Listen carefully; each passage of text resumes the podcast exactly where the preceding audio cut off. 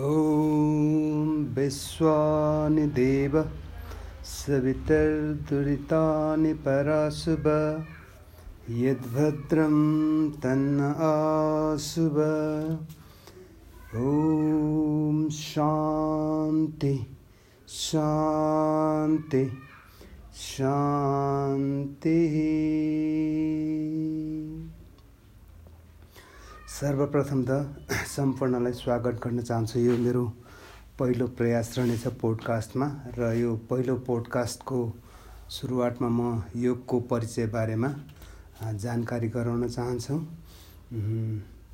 योगको परिचय गर्दाखेरि हामी सुरुवातमा योग के हो भन्ने कुरा बुझ्न जरुरी छ र योग शब्द वेद उपनिषद गीता एवं पुराणहरूमा अत्यन्त पौराणिक कालदेखि नै व्यवहारित हुँदै आएको छ। योग एक अति महत्त्वपूर्ण शब्द हो। आत्मदर्शन र समाधिदेखि लिएर कर्म क्षेत्रसम्म योगको व्यापक व्यवहार हाम्रो शास्त्रहरूमा भएको छ। योग दर्शनका उपदेष्टा महर्षि पतञ्जलीले योग शब्दको अर्थ चित्तको वृत्ति निरोध हुनु नै योग हो भनेर भन्नुभएको छ। प्रमाण विपर्य विकल्प निद्रा एवं स्मृति यी पञ्चविध वृत्तिहरू जब अभ्यास एवं वैराग्य दि साधनहरूको मन लय प्राप्त हुन जान्छ र मन द्रष्टा अथवा आत्माको स्वरूपमा व्यवस्थित हुन जान्छ तब योग हुन्छ। महर्षि व्यासले योगको अर्थ समाधि भन्नुभएको छ। संक्षेपमा हामी भन्न सक्छौँ कि संयमपूर्वक साधना गर्दै आत्मालाई परमात्माको साथ योग गरेर अथवा जोडेर समाधिको आनन्द लिनु योग हो भनेर भनिएको छ। उपयुक्त ऋषिहरूको मान्यताहरू अनुसार योगको तात्पर्य स्वचेतना र चेतनाको मुख्य केन्द्र परम चैतन्य प्रभुको साथ मिलन हुनु हो। चित्तका पाँच अवस्थाहरू छन् क्षिप्त मूड विक्षिप्त एकाग्र एवं निरुद्ध। यसमा प्रथम तिन अवस्थामा योग वा समाधि हुँदैन। एकाग्र र निरुद्ध अवस्थामा अविद्यादि पञ्चक्लेशहरू एवं कर्मको बन्धन हुँदा क्रमशः सम्प्रज्ञात समाधि अथवा वितर वितर्कानुगत विचारानुगत आनन्दानुगत अस्मितानुगत र असम्प्रज्ञात समाधिको प्राप्ति हुन्छ। गीतामा योगेश्वर श्रीकृष्ण भगवानले योगलाई विभिन्न अर्थहरूमा प्रयोग गर्नुभएको छ।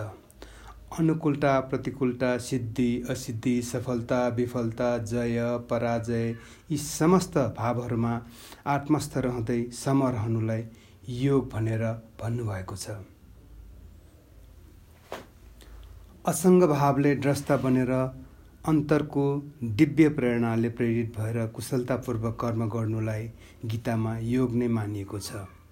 जैनाचार जैनाचार्यहरूको अनुसार जुन साधनाले आत्माको सिद्धि र मोक्षको प्राप्ति हुन्छ त्यो योग हो भनेर भन्नुभएको। जैन दर्शनमा मन वाणी एवं शरीरका वृत्तिहरूलाई पनि कर्मयोग भनिएको छ। आधुनिक योगका योगी श्री अरविन्दका अनुसार परम देवको साथ एकत्वको प्राप्तिको लागि प्रयत्न गर्नु तथा यसलाई प्राप्त गर्नु नै सबै योगहरूको स्वरूप हो भनेर भन्नुभएको छ। अब हामीले योग के हो भनेर त बुझ्यौँ भने अब योगका प्रकारहरूबारे पनि हामी बुझ्नेछौँ। योगका प्रकारहरू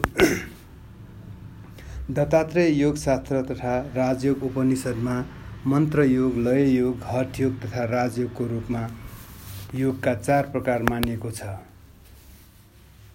योग तत्त्व उपनिषदमा यी चतुर्विध योगहरूका लक्षण यस प्रकार गरिएको छ। मन्त्रयोग। मातृकादियुक्त मन्त्रलाई बाह्र वर्षसम्म विधिपूर्वक जप्नाले सिद्धिहरू प्राप्त हुनु नै मन्त्रयोग हो। त्यस्तै लय योग दैनिक क्रियाहरूलाई आत्मसात गर्दै सदैव ईश्वरको ध्यान गर्नु नै लय हो। त्यस्तै हथ योग विभिन्न मुद्रा आसन प्राणायाम एवं बन्धहरूको अभ्यासले शरीरलाई निर्मल एवं मनलाई एकचित्त गराउनु नै हठ योग भनिन्छ। राजयोग नियम नियम नियमको अभ्यासले चित्तलाई निर्मल गरेर ज्योतिर्मय आत्मालाई साक्षात्कार साक्षात्कार गर्नु राजयोग भनिन्छ। राजयोग शब्दको अर्थ राजदीप्तौ अर्थात् धातुबाट निष्पन्न भएको हो। राजको अर्थ दीप्तिमान ज्योतिर्मय तथा योगको अर्थ समाधि अथवा अनुभूति हो। गीतामा ध्यान योग साङ्ख्य योग एवं कर्मयोगको बारेमा विस्तृत वर्णन गरिएको छ।